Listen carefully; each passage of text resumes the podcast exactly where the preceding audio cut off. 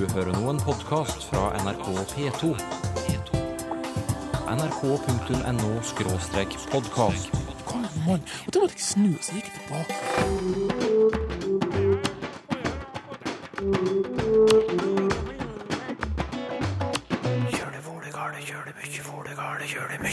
Hansen, Johansen og Olsen regjerer på etternavntoppen, men er på vikende front. Ja, det er faktisk dramatisk, slik at de sendnavnene som er vanligste, de eh, minker i tallet på personer. Stort engasjement for og imot ordet mansplaining etter utfordringa i Språkteigen sist søndag. Vi kan jo ikke være noen dårligere enn islendingene. Vi bør jo ha et norsk ord på det samme. Vel møtt til dagens utgave av Språkteigen.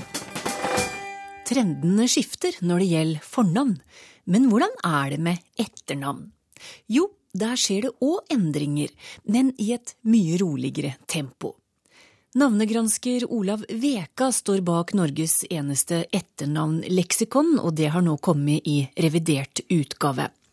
Hansen, Johansen og Olsen ligger fortsatt på etternavntoppen, sammen med flere send-navn, men det blir færre av dem. Jeg heter Nysæter. Jeg heter Stenberg. Sveum.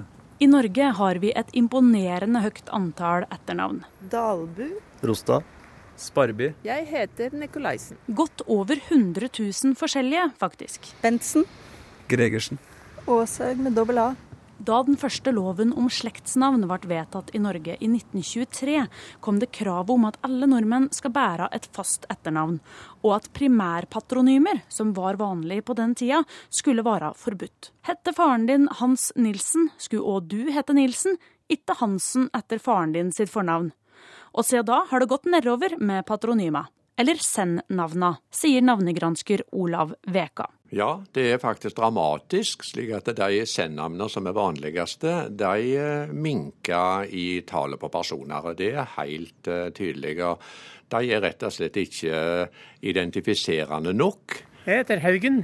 Over 14 000 nordmenn heter Haugen, noe som kvalifiserer til en 15.-plass på lista over mest brukte navn.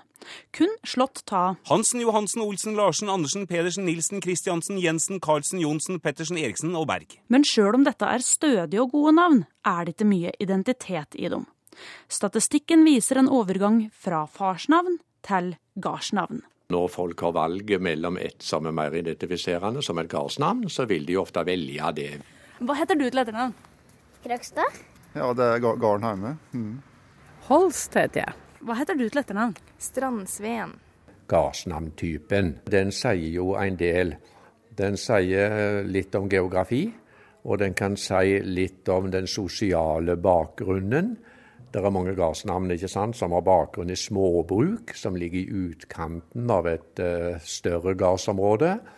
Eh, og så eh, sier det litt grann om røtter generelt ikke sant, i slekta. Det er verre å knyte det til et sendnavn. Det blir liksom så anonymt. Og de fleste veit jo ikke hvem denne Olav, eller Ole i Olsen, egentlig var på 1800-tallet heller. Så dermed så blir det ganske anonymt, ja. Hva heter du til etternavn? Kristiansen.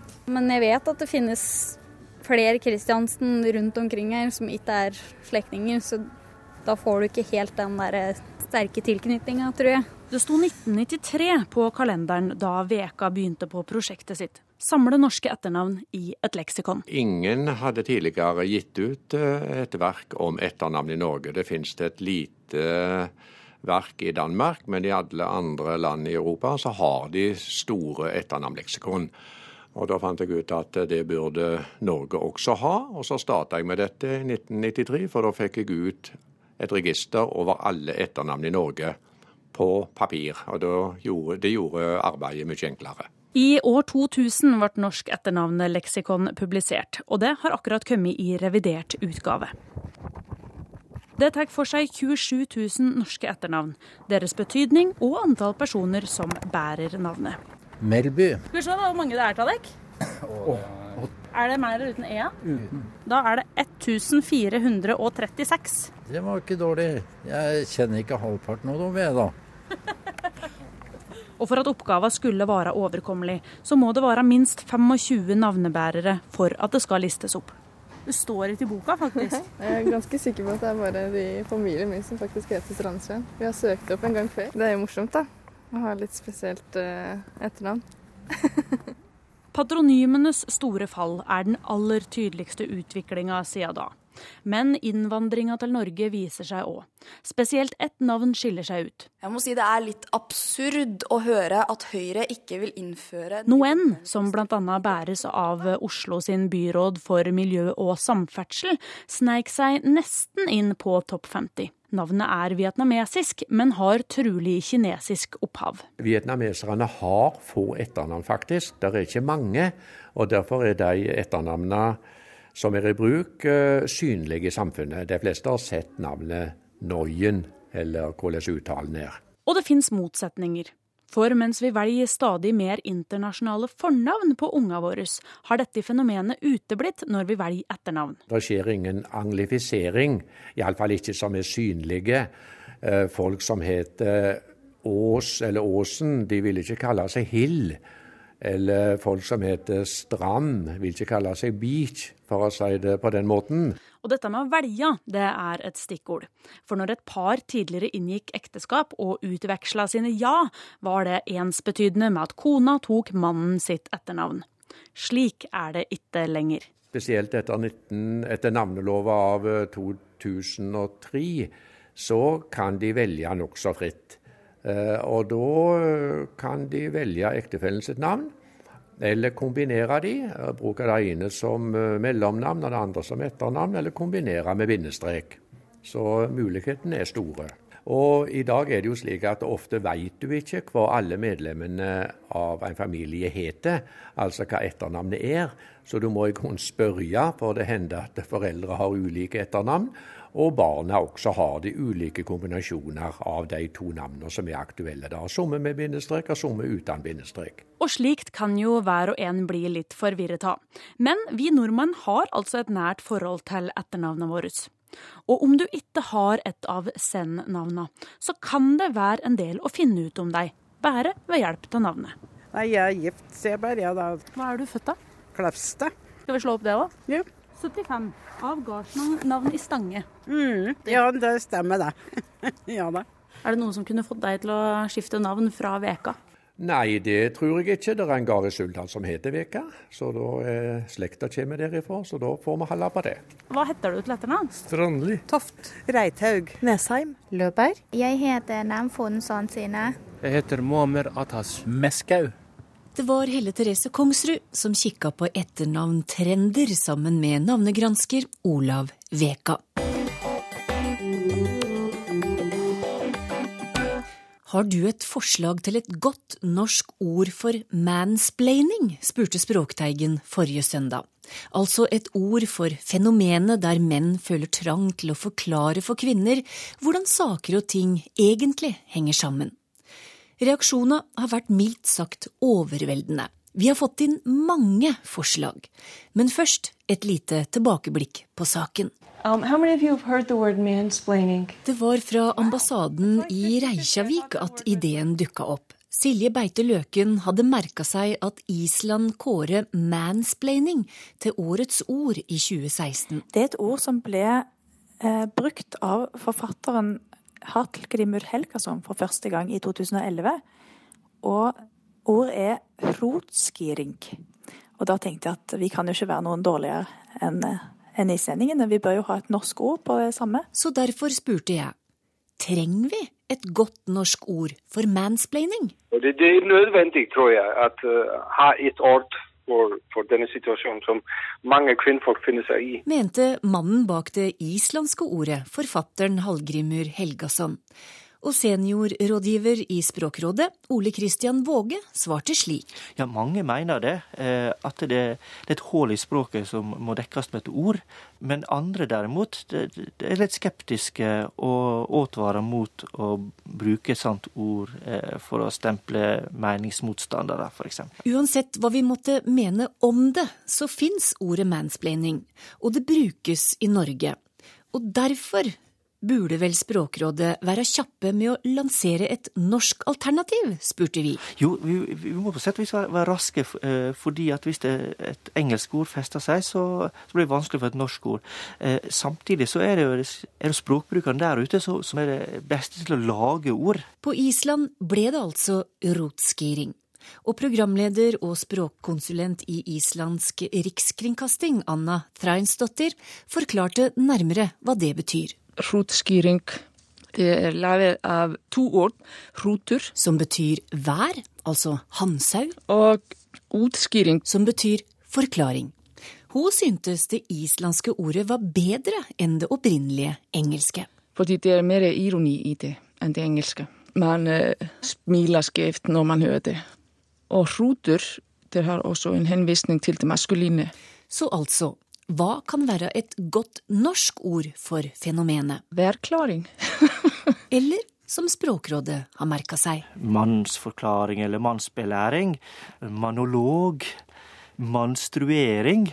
Og så er jo det også et ord som, eh, sånn som forstått det, så kommer fra Språkteigen, gubbedosering. Språkteigen la saken fram på Facebook, på sida som nå heter NRK P2, og der ble det et fantastisk engasjement for og mot ordet, og med mange forslag. Og forslag kom det òg på Twitter og på e-post. Her er et knippe av forslaga som kom. Først orda som bygger på mann, da kom mannsklaring, manneforklare, manstruksjon, mannepreken og kommentering. Så til avdelingen med gubbe, gubbelæring, gubbelering, gubbebelæring og gubbebreking. Det kom òg forslag knyttet til dyr, værpreking, steggprating, værmelding og hingstruering. Andre forslag var karpreking, karing, forklaring, fyrklaring og testikulering. Her er det vel egentlig bare å velge, og så kan en jo se om det er ett eller flere av dem som fester seg bedre enn andre, og om det er behov for et slik ord. Jeg setter strek og takker for alle bidrag og stort engasjement. Få blod på mølla. Eller det han egentlig sa var Å holde tunga i rett munn. Å skille kvinten fra hveten. Å bite i det sure gresset. Over grøten etter vann. Hummer og kanel. Georg Kjøll er klar med dagens faste uttrykk.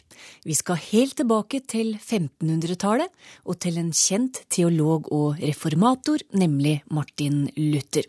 Dagens uttrykk er Male fanden på veggen. Det uh, dukket opp i en uh, tekst hvor Luther snakket om at uh, man som kristen ikke skulle la seg lokke av syndens fristelser. Så han hadde opprinnelig formuleringen 'ikke male djevelen over døren'. Men dette uttrykket er litt spesielt, fordi det har forandret seg i form. Da, så man snakker om malefanten på veggen istedenfor over døren, så en spesifikk del av veggen som har blitt til noe mer generelt. Og så har uttrykket forandret seg eh, lite grann. Eh, så nå i dag snakker man om det mer som en oppfordring om å ikke lokke til seg ondskap eller eh, tenke negativt eller forsterke en eh, lei situasjon. Så her har det skjedd en, en gradvis eh, skifte over tid. Og det skjer med en del eh, uttrykk? Ja, det er en del uttrykk som forandrer innhold ganske sånn subtilt, med små nyanser. Men et uh, veldig artig eksempel er uh, uttrykket 'hus forbi'. Altså 'det gikk meg hus forbi'. Som vi på norsk bruker til å snakke om at noe har passert uten man helt fikk det med seg. Mens uttrykket på, på dansk, som har den, har den samme opprinnelsen på begge språkene, betyr at man melder pass. Så der er det en mer aktiv variant, da, en mer aktiv betydning. Så man sier at jeg melder hus, hus forbi på akkurat dette spørsmålet hvis man snakker i en hvis man er med i en debatt, eller hvis man blir bedt om å ta stilling til noe. Men er det det det viser til opprinnelig? Ja, så den danske uttrykket er mer knyttet til den opprinnelsen av uttrykket som vi, som vi kjenner til fra spillet Gnav, som kanskje ikke er så vanlig lenger. Men det er altså et uh, spill som kan, uh, kan spille med, med, kort eller med spesiallagde brikker, hvor du har litt ulike symboler som, som har litt forskjellige roller i, i spillet. Du har bl.a. blant annet en brikke som da er husbrikken. og du går på tur eh, rundt i, i, eh, etter, etter klokka, og hvis du har husbrikken, så kan du melde hus forbi, og da eh, går turen videre til nestemann. Så det er faktisk i spillet å melde, melde pass. Hva er den vanligste feilen vi gjør med dette uttrykket, da? Her er den mest eh, vanlige varianten er, å eh, skremme fanden på veggen istedenfor å male han eh, på veggen. Fordi vi har et annet uttrykk som eh, blander seg inn her, og det er å skremme fanden på flatmark. Ja. Som er en kortvariant av uttrykket så stygg at han kunne skremme fanden på flatmark. Eh, Og det er jo ikke et spesielt vanlig uttrykk, men det har satt seg litt i, i, i språket, og nok til at det kommer her og, og forstyrrer, eh, forstyrrer Luther. Da. Så det å skremme fanden på veggen blir jo noe helt annet enn å male han på veggen. Og hvis det første er eh, kanskje positivt, hvis vi tenker at fanden ikke er noen vi vil ha i livene våre, så, så er det vel bra da, at folk kan kan gi han en liten, han en liten støkk, mens det å male, male han på veggen blir noe mer negativt. Og oppi dette her så har vi også eh, et mer moderne uttrykk da, som også virker å blande seg litt. Vi snakker jo om å eh, møte veggen Ja. Som et uttrykk for eh, ja, et resultat av psykisk belastning eller stress over tid. Eh, hvis man blir utbrent, så, så møter man veggen. Så det er kanskje litt det òg som, som kommer her og forstyrrer, og at folk tenker at eh, vi har gjort et eller annet nå, sånn at nå står det så dårlig til i verden, eller eventuelt så bra til i verden, at fanden har rett og slett møtt veggen. Det her er jo et fast uttrykk fra Luther, men eh, kirka generelt er vel òg opphav til mange faste uttrykk? Eh, Ja, så eh, det var jo ikke alle som var like flinke til å lese som man er i, Norge i dag. Så det var litt begrenset omgang med, med litteratur tidligere, tidligere i tiden. Og da var én kilde man fikk til, til uttrykk og til nye språklige former, var prekener i, i kirken. Og opplesninger av av andre kristne tekster. Og sånn har både Bibelen og, og, og annen kristen litteratur, f.eks. Luther, kommet inn i det norske, norske språket. Så dette vi har snakket litt om tidligere, om viktigheten av å ha et språklig fellesskap for å, for å lage nye uttrykk, det, det blir veldig, veldig tydelig da, når vi ser hvordan kristne uttrykk har fått eh, spredt seg. Ja, vi, opprinnelig er vi jo en eh, nasjon av eh, kirkegjengere, så veldig mye av den eh, språklige, språklige innholdet har, har kommet til oss via de kanalene der. Mm. Så hva slags språklige fellesskap er det som setter sitt preg på oss nå, da? Ja, nå er det mye TV og sport som er, som er utgangspunktet for, for den type fellesskap. Det, det er vanskelig å si, eh, fordi man er, vi er såpass nær i tid, så er vanskelig å si hva slags uttrykk som fester seg og, og, og, og sånt. Men en et kjent moderne eh, variant er jo eh, hopp etter Wirkola. Ja. Eh, som eh, var litt ja, var litt, har noe nesten litt religiøst over den eh, posisjonen eh, Bjørn Wirkola hadde i den norske bevisstheten eh, når han var aktiv, og, og sportskommentatorene som, sports, sportskommentatorene som snakket om å hoppe etter Wirkola flere, flere vintre på rad, de, de eh, satte spor etter seg i språket, de òg, på samme måte som, eh, som Luther gjorde det før. Det sa lingvist Georg Kjøll.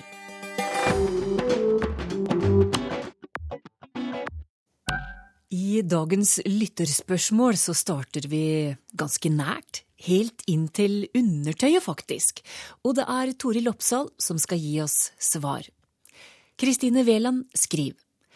Det heter ett par briller og ett par bukser, for dem er ment for to kroppsdeler, men er i seg sjøl én del. Et par ørevarmere er samme sak.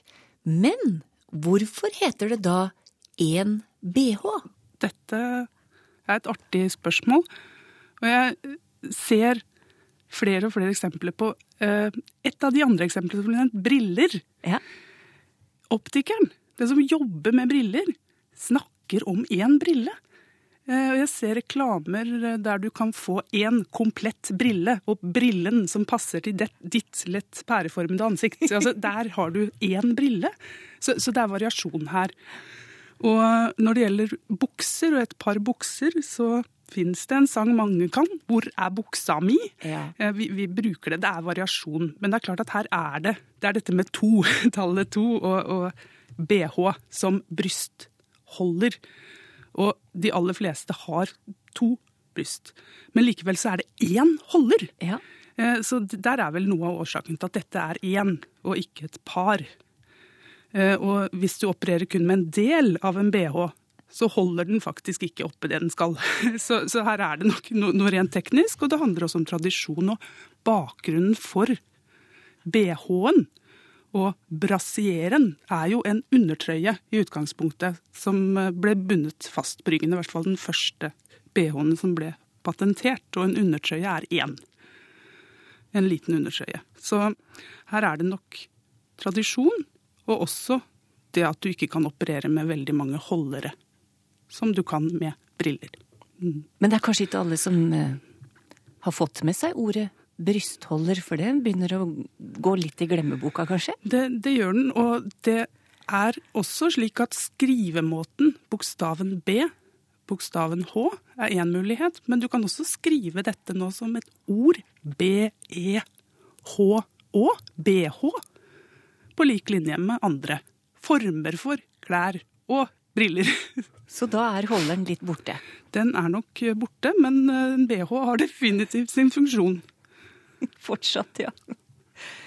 Så et spørsmål som kanskje inviterer eh, vel så mye til litt eh, lek. Det er eh, Florian Kindel som forteller at på stedet han jobber, så bruker de elektronisk adgangskort. Og det gjelder jo sikkert fryktelig mange etter hvert. Du trekker kortet, og så kvitteres det når døra åpnes, og da står det 'gyldiggjort' på jobben hans. Florian og kollega mener at dette er dårlig norsk. De vil prøve å få endra dette her, men vet ikke til- riktig til hva. Og så spør de har Språkteigen et forslag. Så da kan vi mm. altså være de som bringer løsningen til arbeidsplassen til Florian. Sjøl så har de kommet opp med velkommen. Jeg liker dette velkommen-alternativet. Det støtter jeg helhjertet opp om. Eh, Det er både hyggelig, og det utfører jo langt på vei den samme handlingen som gyldiggjort. Men det at gyldiggjort er dårlig norsk, jeg, jeg er ikke så sikker på at det er så veldig mye dårligere enn en del andre alternativer. Det jeg har sett en del steder, det er at du får kortet ditt validert. Ja. Det er jo også et ord, og det som kanskje gjør det mer norsk, er at det kan du finne i ordboka. Gyldiggjort finner du ikke nødvendigvis der. Nei. Men vi forstår hva det handler om. Jeg kan jo nevne også at jeg ser gyldiggjort i en del typer litteratur, altså en del former for faglitteratur som ser ut til å være knytta til sosialpsykologi, pedagogikk, og det er noen steder der gyldiggjort har en litt snevrere faglig betydning, som jeg ikke skal gå inn og mene så mye om, for dette er ikke mine fag. Men gyldiggjort er i bruk i norsk, også i faglitteratur. Så dårlig norsk kanskje ikke. Eh, Men det som gjør at jeg stusser på gyldiggjort, er at det er noe du gjør én gang. Altså Du gjør kortet ditt gyldig, og du får lov å komme inn den døra. En gang for alle. Så hvorfor skal de mase om det hver gang du trekker kortet? Altså, Et tredje forslag, hvis man skal være litt ja, kreativ, det er jo å bruke gangbart. Da har du jo både det at kortet er gyldig, og at du har mulighet til å gå gjennom den døra. Så det kan jo være et alternativ. Men jeg støtter opp om denne gjengen. Velkommen. Velkommen til arbeidsplassen. Du har huska kortet ditt i dag òg. Bra! Et veldig kort spørsmål, Tori. Kan Språkteigen sporenstreks forklare ordet sporenstreks, spør Vigleik Haga. Det kan vi. Eh, Det er rett og slett tysk sporenstreich. Et hogg med sporene. De du har bakpå bak støvlene, som du da setter inn i buken på en hest. Ja, det er rytter. Rett og slett. Så betydningen i full galopp ligger der, og dette ser vi jo tydelig for oss. Når du setter sporene i sida på hesten, så fyker den av gårde. Der har du sporenstreks. Hva kommer uttrykket 'innmari fint' eller 'innmari flott' av, spør Berit eh, Johnsen. Ja. Inn er jo et forledd som gjerne knyttes til det å forsterke noe. Innfugl kan vi tenke på. Eh, Mari er der ikke vår gode venninne Mari. Dette her er et eh, ord som henger sammen med et verb merja, som betyr å knuse eller støte, som fortsatt blir brukt. Eh, på islandsk, blant annet. Eh, Så der har du et adjektiv, marig, som også blir brukt i formen maren. Der hadde vi en jente, gitt. Eh, Det betyr noe halvråttent og forslått. Så her kan du se for deg et råttent eple eller et forslått treverk, kanskje. Men likevel, dette her er et forsterkende uttrykk. Eh, Det er også et adjektiv som blir brukt til å beskrive noen som er inderlig lure. En innmari unge er en som er veldig vanskelig å holde styr på, og som finner på mange sprell. Ja. Så det er rett og slett inn som forsterkende forledd, marig som adjektiv knytta til verbet merja, å slå. Mm. Eller knuse, mer presist. Da kan jeg egentlig gå rett på det neste spørsmålet og si at den så jeg til å komme. Nei! Rett og slett. Og det er det neste, for plutselig så brukes den frasen overalt, skriver Torunn Kristine Eriksen. Altså 'den så jeg ikke komme'. Eh, Og hun legger jo til 'hva i all verden sa vi før'? Mhm. Her er det jo et spørsmål om plutselig, som du sier. Og dette her ser ut til å være noe nytt. Det, det er helt sant. Jeg har ikke funnet denne frasen i litteratur før en roman fra 2016. Nå har jeg ikke hatt så veldig mye tid til å lete, men likevel så er dette veldig, veldig lite brukt. Jeg har også sjekka noen talespråkskorpus, oppdaga folk som snakker sammen, som er ti år gamle, og der er det ikke. Men nå finner du det veldig mye. I et nettsøk f.eks. så ser du ikke den komme. Eh, Så dette er nok nytt. Dette er nok direkte oversetterlån fra engelsk. Fordi du finner veldig, veldig mye av dette i engelskspråklige kilder. I didn't see that coming, Mm. eller that one. Eh, Og hva sa vi før? Hmm. Jeg har en kandidat. Der tok du meg på senga. Å, jeg tenkte bare ja. Yes, det er jo klart, men det er overraskelse er er jo det du uttrykker. Men det er kanskje en bestemt form for overraskelse også. som Det er noe overhodet ikke stemmer overens med det du hadde sett for deg, eller den kunnskapen du hadde. Eh, lektor Tørdal ville vel sagt 'du store alpakka', men, men likevel så er det noe mer. Så, så det er noe med at du har en klar forventning. Det er ikke bare det at du, du, du, du skvetter. Så den eh, Der tok du meg på senga, er det nærmeste jeg kan komme. Her er det kanskje flere gode eh, forslag der ute, men eh, den så jeg ikke komme. Vi får se, Toril. Jeg kan iallfall si at til deg som vil kommentere noe, spørre eller tipse, du kan som alltid ta kontakt med oss på e-post teigen krøllalfa nrk.no, på Twitter eller på Facebook. Og så har jeg fått flere spørsmål den siste uka om nettopp Facebook fra lyttere som ikke finner at Språkteigen der. Forståelig nok, for Språkteigen Språkteigens ega side er jo lagt ned. Nå finner du oss altså på den Facebook-sida som heter NRK P2. Kontakt oss der gjør det på to måter, enten ved å skrive på veggen eller sende melding. Språkteigen følger med både på vegg og innboks for meldinger, og finn det som angår oss. Ha det riktig bra.